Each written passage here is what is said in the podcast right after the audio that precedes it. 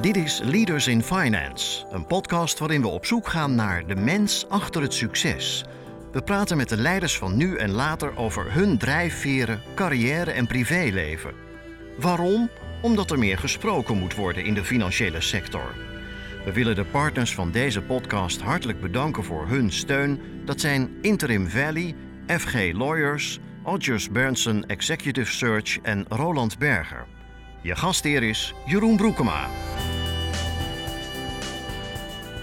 Naar aanleiding van de recent uitgekomen position paper van de Nederlandse Vereniging van Banken over de Central Bank Digital Currency gaat Jeroen Broekema in deze extra aflevering in gesprek met de hoofdeconoom digitale zaken van ING, Teunus Broosens. Hij geeft een toelichting namens de sector.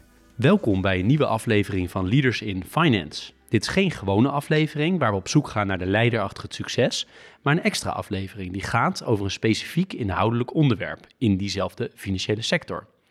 Het onderwerp van deze keer is een onderwerp waar ik al tijden meer over wil te weten komen en waar je steeds meer over hoort, namelijk de Central Bank Digital Currency, of afgekort de CBDC. Ik bespreek de CBDC met Teunus Broosens van de ING. Welkom Teunus. Dank je. Leuk dat je ehm, tijd neemt om met ons in gesprek te gaan en ons meer te leren over die CBDC en alle dingen die daar omheen zitten. Uh, voordat we er inhoudelijk op in, uh, ingaan, uh, wil ik jou graag introduceren. En dat doen we uiteraard door ook jouw naam te spellen, zoals het gewoonte is bij Leaders in Finance. Teunus is T-E-U-N-I-S en Broosens is B-R-O-S-E-N-S. Teunis is ING's hoofdeconoom digitale zaken. In het Engels gebruikt hij de titel Head Economist for Digital Finance and Regulation. Hij focust zich op de impact van nieuwe digitale financieringsvormen en innovatie, waaronder bijvoorbeeld fintech, big tech, big tech platforms, digitale valuta's, DeFi en het toenemend belang van data, blockchain, disintermediatie en de ontbundeling van bankdiensten, dat soort dingen. En dan allemaal de, de impact daarvan op banken en op de economie. Hij vertaalt deze trends ook in prioriteiten voor ING en bespreekt deze met beleidsmakers en toezichthouders. Voordat hij naar ING kwam, heeft Teunis bij de afdeling strategie van de Autoriteit Financiële Markten gewerkt. Teunis is zijn carrière begonnen als economisch beleidsadviseur bij de Nederlandse Bank. Hij is afgestudeerd in de economie en in de filosofie bij de Universiteit van Tilburg. Teunis is 44 jaar en woont in Breda. Dan hebben we een, uh, inleiding op jou. Ik wil toch eerst even, nog even kort toch over jou hebben. Um, wat, wat, wat is jouw achtergrond en hoe komt het dat je um, bent overgestapt vanuit het toezicht naar meer de commerciële bankenkant?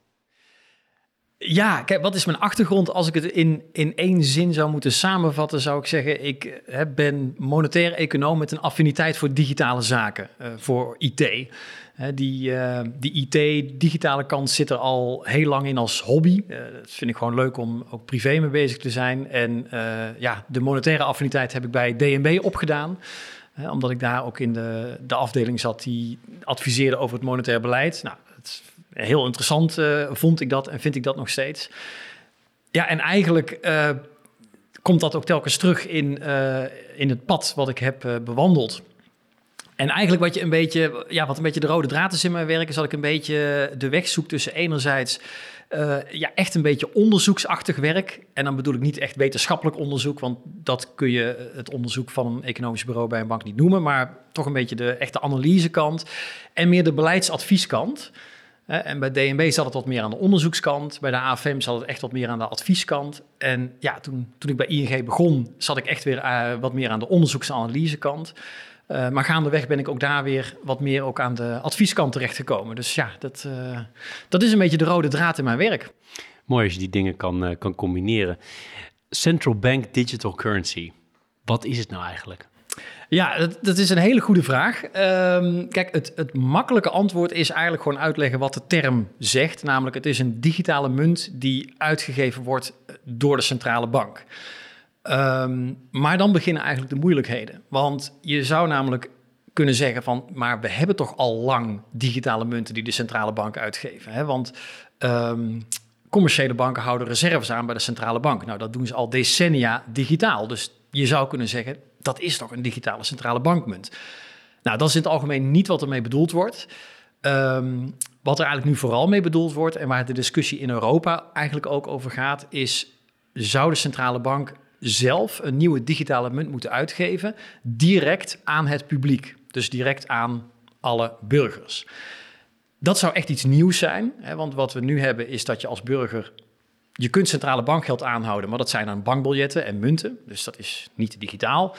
Um, en als je digitaal geld wil aanhouden, dan doe je dat uh, bij een commerciële bank, bij een bankrekening. En ja, wat CBDC dus echt nieuw zou brengen, is dat je als publiek rechtstreeks een rekening kunt aanhouden bij de centrale bank of een portemonnee hebt waarin digitaal centrale bankgeld zit.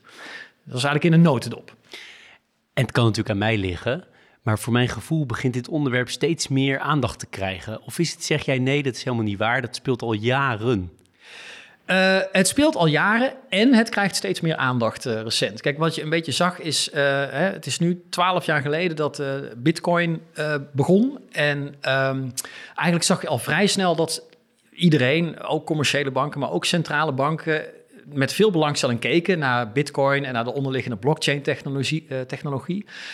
En dat ook centrale banken zeiden: Goh, dit is misschien wel interessant voor ons. Um, vanuit een technisch perspectief kunnen we wat met die technologie. Uh, maar ook, en dat is ook de invalshoek waar ik er in eerste instantie naar keek, vanuit monetair perspectief. Van goh, um, hier heb je dus uh, het aanbod van geld ligt volledig vast uh, bij Bitcoin, bij cryptocurrency. Hoe zit dat dan met monetair beleid? Hoe zit dat met rente? Dus je ziet eigenlijk dat ook centrale banken daar met interesse naar keken. Maar dat bleef een beetje eigenlijk hangen in die laat ik zeggen, academische interesse en interessante discussies. En verder gebeurde er niet zoveel mee. Uh, dat veranderde toen uh, inmiddels twee jaar geleden, denk ik. Um, Facebook zijn plannen lanceerde om Libra te lanceren. Inmiddels heet dat Diem, maar toen was het nog Libra. en dat was in de eerste versie was het eigenlijk een munt die wereldwijd zou moeten worden uitgerold. En um, zelf gebaseerd was op een mandje van valuta. Dus eigenlijk gewoon een eigen wisselkoers zou krijgen. En toen werden centrale banken wereldwijd, die schrokken er eigenlijk van. Want die dachten van, kijk, die bitcoin dat was leuk. Uh, maar dat werd nooit echt gezien als bedreiging voor centrale banken. En nu zei de centrale bank, ja maar wacht even. Facebook heeft nou, 2,4 miljard gebruikers. Uh, Facebook heeft best een goede kans om die gebruikers te overtuigen om die Libra te gaan gebruiken. En dan staan wij plotseling misschien wel eens buitenspel als centrale bank. Dus dit was een hele belangrijke motivatie voor centrale banken om te zeggen: ja, maar wacht even, we gaan eerst ook eens eventjes, nou laat ik het zacht uitdrukken, een paar hele kritische vragen stellen aan Facebook. Van, hoe zie je dit voor je en, en, en wat ben je nou allemaal van plan en hoe zit dat met uh, regulering? En daarnaast moeten we zelf toch ook eens heel serieus gaan kijken uh, of we misschien zelf iets in de markt kunnen zetten wat vanuit gebruikersperspectief een alternatief zou kunnen zijn. Dus eigenlijk werden er meerdere wegen bewandeld uh, in antwoord op uh, Libra. Dus dat was het tweede. En eigenlijk kwam het in een nog verdere stroomversnelling, omdat men toen bijvoorbeeld in Europa, maar ook in Amerika, er eigenlijk het afgelopen jaren achter is gekomen, nu, nu er wat beter gekeken wordt naar die hele central bank digital currency.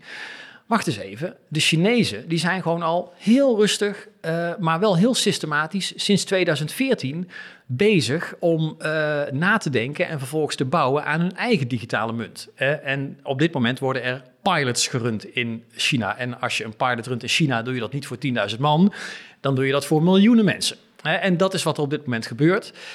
En dan komt meteen eigenlijk er een heel geopolitiek spel omheen van, ja, maar wat zijn ze van plan met die munt in China? Eh, is dat alleen voor China? Is het ook voor het buitenland? Wat betekent dat dan voor de dollar en de euro? En eigenlijk is de conclusie, denk ik, die ook in Frankfurt en in Amsterdam aan het Frederiksplein door centrale bank is getrokken, is van, we weten eigenlijk niet waar het allemaal naartoe gaat, maar we kunnen maar beter voorbereid zijn. En dat doen we in ieder geval door heel goed te onderzoeken wat onze mogelijkheden zijn, eh, mogelijkheden zijn om een eigen centrale bankmunt te lanceren. Ik wil straks zeker met je hebben waarom we dit eigenlijk precies doen, want daar ben ik heel erg benieuwd naar. Ik kan een paar dingen bedenken, maar ik vraag me af of ik alles weet. Maar voordat we dat doen, zou ik toch ook wel het orde willen scheppen in mijn, in mijn hoofd rondom al die termen die je vaak hoort. Want rondom CBDC daar hangt ook eh, decentralized finance, crypto, uh, blockchain. Um, hoe, hoe hebben al die dingen met elkaar te maken of hebben ze niet met elkaar te maken? En kan je wat orde scheppen? Ja, ik, ik zal een poging doen. Um, hè, inderdaad, precies wat je zegt. Eigenlijk central bank digital currency wordt vaak ook genoemd in één zin met uh, cryptocurrency, bitcoin, DeFi noem je inderdaad ook. Terwijl de realiteit is dat ze eigenlijk niet verder van elkaar verwijderd zouden kunnen zijn. Ehm, cryptocurrency is qua filosofie eigenlijk juist ontwikkeld om uh, centrale banken, maar ook commerciële banken, overheden eigenlijk buitenspel te zetten. Het is van de grond af aan decentraal, vanuit een technisch perspectief, maar er wordt eigenlijk ook geprobeerd om het vanuit een uh, governance perspectief decentraal aan te vliegen allemaal. hoewel dat tweede is wel wat lastiger, maar goed, dat is voor een andere discussie denk ik. Terwijl natuurlijk centrale banken, nou, de naam zegt het al, centraal zijn. En uh, ja, dus de boel centraal willen aansturen, monetair financieel gezien. Dus dat, is, dat is een, komt compleet van de andere kant aanvliegen eigenlijk. Uh, en ook op technisch niveau, um, cryptocurrency draait op blockchain. En nou, hè, wat ik eigenlijk net aangaf, central bank digital currency, het denken begon misschien een beetje met van, goh, zouden we misschien met blockchain iets kunnen doen qua CBDC? Maar dat denken is eigenlijk nu wel losgelaten in de zin van, het, ik denk dat de meeste centrale banken nu um, helemaal geen uh, grote ideeën hebben van het moet per se blockchain zijn. Of dat is een beetje, wordt een beetje opengelaten op dit moment. Dus je hebt de cryptocurrency, je hebt die central bank digital currency. Uh, ja, er zijn nog een, een hoop andere onderverdelingen eigenlijk binnen central bank digital currency. Je kunt de central bank digital currency hebben die zich eigenlijk richt op het brede publiek. He, dat wordt dan vaak een retail central bank digital currency genoemd. Je kunt ook een central bank digital currency ontwikkelen die zich in eerste instantie alleen richt op uh, deelname door commerciële banken of, uh, uh, die zich, of grote bedrijven. Hè, dus dat, dat wordt dan vaak het wholesale betalingsverkeer genoemd. Dus een wholesale central bank digital currency. Maar ook op technisch niveau kun je, ja, je kunt een CBDC hebben die gebaseerd is op rekeningen. Dus dat je inderdaad echt een rekening bij de centrale bank zou hebben. Of je kunt een, hè, een wallet-based, oftewel een, hè, dat je eigenlijk een portemonnee hebt waarin je, net zoals met uh, bankbiljetten, ja, je hebt, je, hebt, je hebt dat in je portemonnee. Maar de centrale bank hoeft dat niet eens per se te zien of te weten. Hè, dus je hebt allerlei, ook verschillende technische invullingen van CBDC. Ik denk dat onderscheid tussen de variant gericht op het brede publiek versus een variant gericht op, op grote betalingen, dat dat een heel belangrijke is. Uh, en ik denk ook dat dat een onderscheid is waar de centrale bank heel vroeg in het proces een keuze over zal gaan moeten en dat is interessant, hè? want dat is een, denk ik een mooie kapstok voor die vraag van, van, waarom hebben we het eigenlijk even los. Jij beschrijft denk ik heel, heel interessant en heel boeiend hè, de, hoe het ook deels onder druk van geopolitiek of bijvoorbeeld vanuit Facebook met de Libra DM komt. Maar even los daarvan, puur inhoudelijk. Als je die twee uit elkaar trekt, retail en wholesale, als, als mogelijke toepassing van de CBDC, waarom zou je het doen voor retail en waarom zou je het doen voor wholesale? Ja, kijk, er zijn een aantal redenen. Laten we even uh, beginnen met, uh, uh, met wholesale. Um, je zou kunnen zeggen van, goh, um, Europa wil de internationale rol van de euro versterken. En dat zou je bijvoorbeeld kunnen zeggen, kijk, op dit moment als de VS een sanctie wil opleggen aan een persoon of een land, dan zeggen ze gewoon simpelweg: Nou, die persoon mag geen zaken doen in dollars. En dat betekent eigenlijk dat financiële instellingen wereldwijd zich daaraan moeten houden, of ze willen of niet. Want uh, als, als, als jij als Europese bank toch dan zo'n gesanctioneerd persoon in dollars zaken laat doen. En de Amerikanen komen erachter, dan zeggen ze van, uh, nou, je bent niet meer welkom en je hoeft uh, geen zaken meer te doen in New York. Um, en als je als bank uit het dollar, de dollartransacties wordt uitgesloten, dan kun je eigenlijk wel inpakken. Dus eigenlijk hebben de Amerikanen wat dat betreft heel veel macht die ze uitoefenen via het feit dat de dollar gewoon de reservemunt van de wereld is, de belangrijkste munt van de wereld. Nou, China is om die reden eigenlijk wel bezig om zijn eigen munt daar eigenlijk een, een, een universum omheen te bouwen. En, en te kijken van ja, kunnen we onze internationale transacties meer in onze eigen munt afwikkelen om de dollar heen. Ja, Europa zit daar toch ook een beetje vanuit die invalshoek uh, te kijken. Maar dat is echt puur geopolitiek. Dat is puur geopolitiek, maar dat is wel een reden waarom je dus zou willen kijken naar een wholesale CBDC.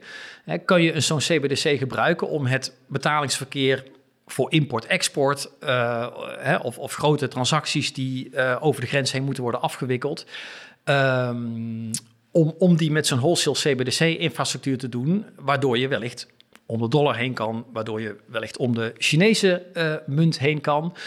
Um, Daarnaast, en dat, dat hangt er ook wel sterk mee samen, is het ook zo dat dat internationale betalingsverkeer van grote uh, bedragen, um, dat, dat is traag, uh, niet zo efficiënt, uh, ook wel duur. Dat werkt eigenlijk met een netwerk van wat dan correspondent banking, correspondent banks heet. Dat netwerk staat ook onder druk, mede ook door steeds strakker wordende regelgeving, ook rond, rond witwassen en terrorismefinanciering. dus eigenlijk is dat, dat die grensoverschrijdende betalingen, daar is misschien wel eens een innovatie welkom. En je ziet dat commerciële banken zijn er naar aan het kijken. Hè. SWIFT, het netwerk van internationale banken die betalingen doen internationaal, kijkt zelf, hoe, hoe, kunnen we hier innovaties plegen? Er zijn ook andere consortia van commerciële banken die hier naar kijken. Maar goed, centrale banken zouden daar ook uh, naar kunnen kijken. Hè, dus dat zijn eigenlijk doel, doelstellingen die, die aan die wholesale kant zitten. Ja, aan de retail kant, ja, dan kom je dus een beetje op dat verhaal Facebook, Libra, DM, Misschien ook wel Bitcoin. Kijk, want hè, ik denk dat centrale banken lange tijd Bitcoin niet als grote bedreiging hebben gezien. Maar in een scenario waarin Bitcoin populairder zou worden en ook als betaalmiddel populairder zou worden, zouden centrale banken zich ook achter de oren gaan krabben. Zo ja, maar wacht even. Um, of mensen nou betalen met Libra, Diem of met Bitcoin, dat betekent dat ze niet meer betalen met euro's. En dat betekent dat onze invloed als centrale bank op het monetaire stelsel, onze mogelijkheid om met de rentes de economie uh, te sturen en de inflatie, die mogelijkheden nemen af. En dat willen we niet. En daar is een heel mooi woord voor uitgevonden: monetaire soevereiniteit. Hè? Eh, centrale banken zijn gehecht aan die monetaire soevereiniteit.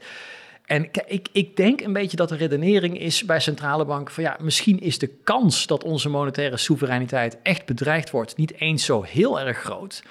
Maar als het gebeurt, is de impact wel heel groot. En hè, nou ja, risicomanagement is kansmaal impact. En dan zeggen we van ja, dan gaan we toch maar eens kijken of we daar iets op kunnen verzinnen.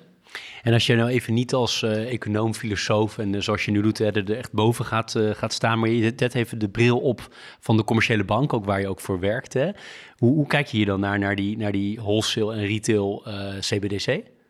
Nou, kijk, bij die wholesale variant is het denken bij ons toch wel, en ik denk dat dat voor, breed voor de bankaire wereld wel geldt, van let nou goed op dat de, als centrale bank dat je problemen aanpakt waar marktfalen is. Ja, praat ik toch wel als econoom, maar daarmee wil ik zeggen, pak problemen aan die de private sector laat liggen.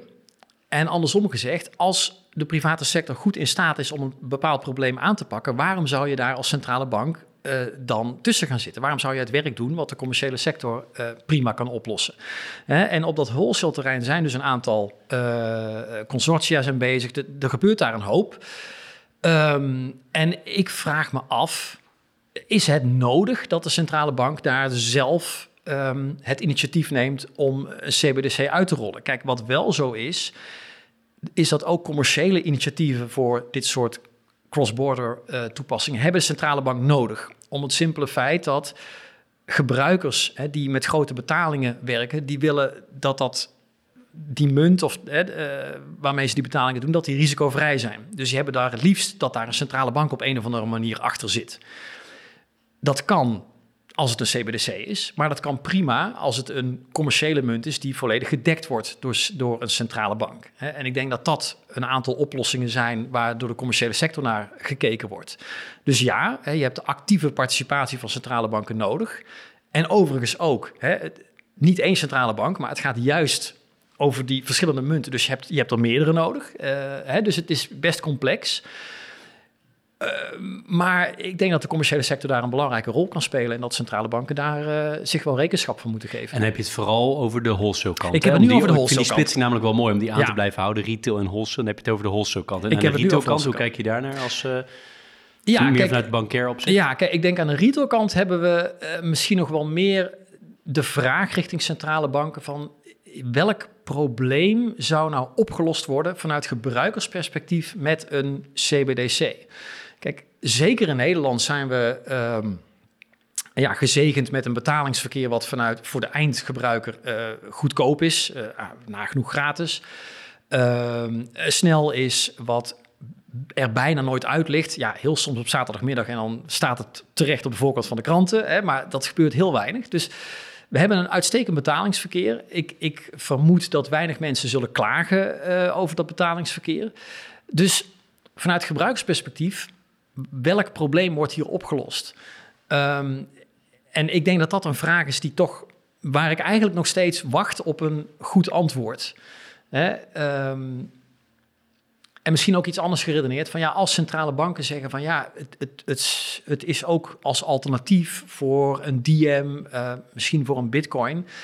Het is best een uitdaging om iets te bouwen. Hè, we weten dat Facebook met alle uh, capabele mensen en financiële kracht die ze hebben, die als die echt besluiten om dat DM uit te rollen, dan weten we dat wordt natuurlijk een fantastisch product.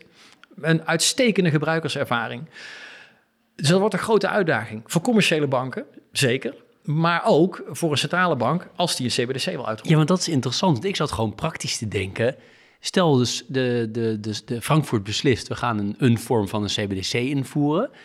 Gaan ze dat dan zelf doen? Nou, oké, ik denk de centrale bank in Europa heeft ook al wel aangegeven dat ze willen dat samen met de private sector doen. Eh, over zo'n retail verhaal waar we het nu hebben. En ik denk los van dat ik als vertegenwoordiger van de commerciële sector dat een goed idee vind, uh, dat het ook van centrale, vanuit centrale bankperspectief wel begrijpelijk is. Uh, hè, want um, commerciële partijen hebben ervaring met het bedienen van miljoenen klanten, met het bouwen van apps, met het, uh, een helpdesk. Uh, maar ook met het screenen van transacties enzovoort. Daar hebben wij ervaring mee. Dat doen we al jaren. Centrale bank heeft helemaal geen ervaring met het bedienen van zoveel particuliere klanten. dus ik denk dat ook centrale banken, in ieder geval in Europa, op het spoor zitten. Oké, als ze zoiets gaan doen, dan gaan wij hem misschien uitgeven. En, en eigenlijk de, ja, aan de achterkant het, uh, het clearen van al die transacties, dat doen wij. Maar verder het klantcontact, het aanbieden uh, in een bankaire app, um, maar het screenen van de transactions, het, uh, van de transacties, sorry, het onboarden van klanten. Ik gooi er allerlei Engels tussendoor. Um, dat laten we maar aan die commerciële sector over, want die kunnen dat veel beter dan wij. Ik heb zelf ook eh, twaalf jaar in die, in die financiële sector uh, direct gewerkt. Dus ik ben toch ook wel gevormd in het denken in risico's. Je hebt al wel wat aangestipt hoor, maar ik wil toch nog even met je hebben. Wat zie jij nou als grootste risico's rondom die CBDC? Nou, kijk, vanuit een bankperspectief is er een heel, commerciële bankperspectief moet ik zeggen, is er een heel duidelijk risico. En dat is eigenlijk het risico dat er financiering wegloopt bij banken en in die CBDC gaat zitten. Um, je, ja, je kunt je voorstellen dat mensen een deel van hun geld niet meer op de betaalrekening bij de bank aanhouden, maar in CBDC. En dat is dus gewoon financiering die weggaat bij commerciële banken. En laat zo'n de betaal- en spaarrekeningen, laten dat nou net vormen van financiering zijn waar banken heel erg blij mee zijn. Want het is heel stabiel. Uh, dus het is echt een vorm van financiering waar je als bank op kan bouwen. En ja, als, als dat dus minder wordt, als dat gaat schuiven, ja, daar worden banken niet heel blij van. Um, dus ik denk dat dat, dat dat wel het hoofdrisico is. Iets anders wat ik jou wilde vragen is: zie jij, heb jij een beeld bij uh, onder andere China en Amerika, waar ze er ook uh, druk mee zijn? Ongetwijfeld ook nog meer plekken, maar dat zijn de twee, de twee grootmachten. Zie jij dingen daar waar wij al van kunnen leren? Um, nou, kijk, ja, China is echt al heel ver uh, met, die, met die munt. Um, het lastige is wel dat de situatie in China heel anders is. Uh, dan in Europa. Hè, waar we in Europa nog het betalingsverkeer en uh, toch vrij gedomineerd wordt door banken en het meeste geld ook wordt aangehouden bij banken, uh, zitten we in China natuurlijk al in een fase waarin de twee bekende fintechs, WeChat en Alibaba, heel groot zijn en ook in het betalingsverkeer eigenlijk een dominante rol hebben. En ik denk dat voor de Chinese centrale bank een deel van de motivatie om die CBDC te ontwikkelen, is waarschijnlijk ook geweest van, goh, ja, we, vinden dat er wel heel veel van het betalingsverkeer is weggelopen naar die fintechs, die tot voor kort eigenlijk ook heel licht gereguleerd waren. En nou, we zien nou ook eigenlijk een bredere uh, push waarin uh, daar een inhaalslag wordt gemaakt van regulering. Dus het is wat dat betreft is China wat, wat lastig te vergelijken met, um, met ons. En ook omdat, ja, hè, natuurlijk ook in China is het, uh, is het ook makkelijker zaken doen voor de centrale bank. Er is ja, minder rekening te houden met, zeker in Europa, met uh, um, hoeveel zijn we tegenwoordig? Nou, in de eurozone hebben we nu 19 lidstaten, die 19 centrale banken, 19 um, regeringen die daar straks allemaal een zegje over zullen willen doen. Nou, in China heb je dat allemaal niet, dus daar kun je wat dat betreft wat, wat sneller gaan. Um, Kijk, Zweden vind ik ook een interessant voorbeeld. In Zweden is ehm, al een aantal jaar geleden heeft de Riksbank, de centrale bank, daar gezegd van goh, wij zien eigenlijk het gebruik van cash, dus van bankbiljetten en munten, zien wij sterk teruglopen. En om die reden uh, willen wij eens gaan kijken of wij inderdaad een digitale centrale bankmunt willen ontwikkelen. Dus ik denk ook dat dat een beetje is ingegeven door het gevoel van we willen als centrale bank uh, ook wel in beeld blijven bij particulieren. Hè? En, en particulieren de mogelijkheid blijven bieden om uh, centrale bankgeld aan te houden. Als, zeker als die bankbiljetten en munten er langzaam helemaal uitlopen. Hè. Wat dat betreft uh, loopt Zweden echt nog wel voor op, uh, op Nederland. Dus die, die zijn daar wat dat betreft al langer mee aan het experimenteren. Hebben ook blockchain gebaseerde experimenten gedaan. Dus dat is zeker wel interessant. Um, ik denk dat de, de Amerikanen, die zijn er pas vrij recent naar gaan kijken. Dus ja, of we daar heel veel van kunnen leren, dat weet ik eigenlijk niet. Het is natuurlijk vooral interessant wat de Amerikanen doen, gegeven de, de machtspositie uh, qua dollar waar ze, waar ze vandaan komen. Dus ja, eigenlijk staat Europa er wat dat betreft. Um, we zullen het op eigen kracht moeten doen. Ook de ideeën zullen we op eigen kracht moeten, moeten ontwikkelen.